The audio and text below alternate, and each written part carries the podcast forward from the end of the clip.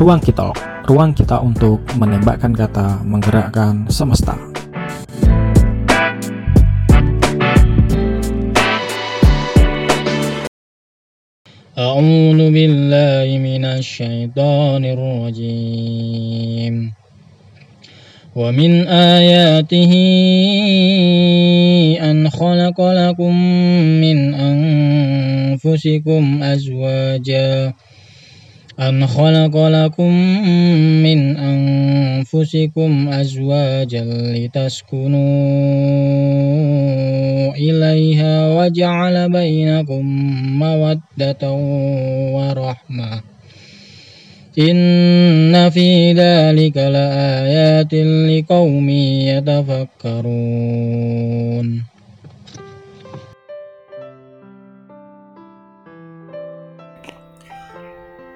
Aku yakin bahwa kita sering melihat cuplikan ayat dari Quran Surat Ar-Rum ayat 21 yang tadi saya baca. Biasanya ada di undangan-undangan pernikahan. Artinya, dan di antara tanda-tanda kekuasaannya, ialah dia menciptakan untukmu istri-istri dari jenismu sendiri, supaya kamu cenderung dan merasa tentram kepadanya, dan dijadikannya di antaramu rasa kasih dan sayang. Sesungguhnya, pada yang demikian itu benar-benar terdapat tanda-tanda bagi kaum yang berfikir. Kalau kata Ustadz Salim Afilah, orang yang memberikan undangan untuk suatu urusan adalah orang yang paling paham dengan isi undangan yang ditulis dan disebarkan. Cuma sering kali ayat itu hanya dicantumkan gitu aja, tanpa si pencantum tahu apa isi dari ayat itu. Jadi, itu sekedar template, sama seperti anak-anak OSIS atau ekstra SMA yang bikin proposal, tapi nggak tahu apa yang mereka tulis dalam proposal itu. Kalau ditanya, jawabnya nggak tahu. Template dari senior-senior dulu kayak gitu kok, jadi, seharusnya dalam ayat itu setidaknya kita mengetahui tiga hal. Yang pertama, Allah menciptakan istri-istri dari jenismu sendiri ini adalah bagian atau salah satu dari tanda-tanda kekuasaan Allah. Artinya, ada sesuatu yang hebat di sini. Ini setara dengan Allah menciptakan alam semesta beserta isinya, atau selevel dengan Allah yang menciptakan corona virus yang tak kasat mata, namun bencana yang dibawanya mampu mengobrak-abrik segala aspek dari negara-negara di dunia. Dan kejadian-kejadian hebat lainnya yang Allah tuliskan dalam Al-Quran. Jadi penciptaan istri-istri dari jenismu sendiri ini dari Allah itu adalah bagian dari tanda-tanda kekuasaan Allah Subhanahu wa taala.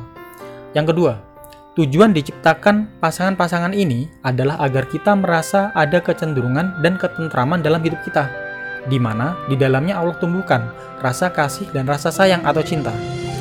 Nah, ngomong tentang sayang atau cinta, semoga ada waktu untuk kita bicara lebih khususnya terkait hal ini. Kemudian yang ketiga, kata min angfusikum itu memiliki tiga pemaknaan menurut para ulama. Apa aja? Yang pertama, min anfusikum dari dirimu secara fisik bahwa pasangan kita diciptakan dari bagian dari diri kita, seperti Hawa yang diciptakan oleh Allah dari tulang rusuk kiri Adam. Ada seorang penyair namanya Antaroh membuat syair yang sangat populer tentang perempuan. Perempuan itu tidak diciptakan dari tulang ubun kepala untuk selalu dipuja karena mereka akan terlena. Dan tidak pula diciptakan dari tulang kaki untuk diinjak dan diperbudak namun, perempuan diciptakan dari tulang rusuk kiri yang dekat dengan jantung hati untuk dicintai dan dekat dengan lengan untuk dilindungi. Ya, walaupun kalau dipikir sebenarnya siapa melindungi siapa? Secara tulang rusuk itu kan tugasnya melindungi jantung. Jadi, antara laki-laki dan perempuan itu sejatinya memang hadir untuk saling melindungi dan saling melengkapi. Yang kedua, min anfusikum dari dirimu secara jiwa Arwahu junudum mujannadah. Ruh-ruh itu seperti pasukan yang ada dalam satu kesatuan-kesatuan. Jika mereka saling mengenal, mereka mudah untuk bersepakat. Jika mereka tidak saling mengenal, mereka mudah untuk berselisih. Ada sebuah syair dari Khalil Gibran. Dia mengatakan, cinta datang bukan dari keakraban yang lama dan pendekatan yang tekun, tapi cinta datang dari kecocokan jiwa.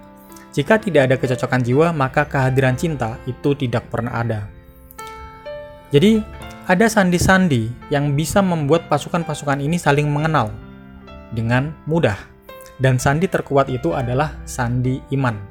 Jadi kecocokan dalam berjodoh itu akan mudah ditemukan jika yang menjadi dasar kecocokan adalah keimanan. Makanya, rumus jodoh itu nggak bisa eksak. Ada pasangan yang kalau dilihat itu cocok banget, tapi ada juga pasangan yang mereka bagai langit dan juga bumi. Sangat beda, tapi kenyataannya ya jadi juga gitu mereka. Jadi macam-macam. Rumus jodoh yang paling pasti itu hanya satu, landasan iman, yaitu ketika hati tunduk kepada Allah, mengenal Allah, dan mau mengabdikan diri hanya kepada Allah. Dan yang terakhir, min angfusikum dari dirimu itu diartikan seperti napas, di mana napas itu menjadi daya hidup bagi sebuah jasad.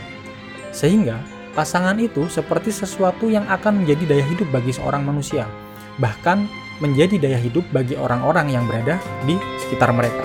Wallahu Ruang kita, ruang kita untuk menembakkan kata menggerakkan semesta.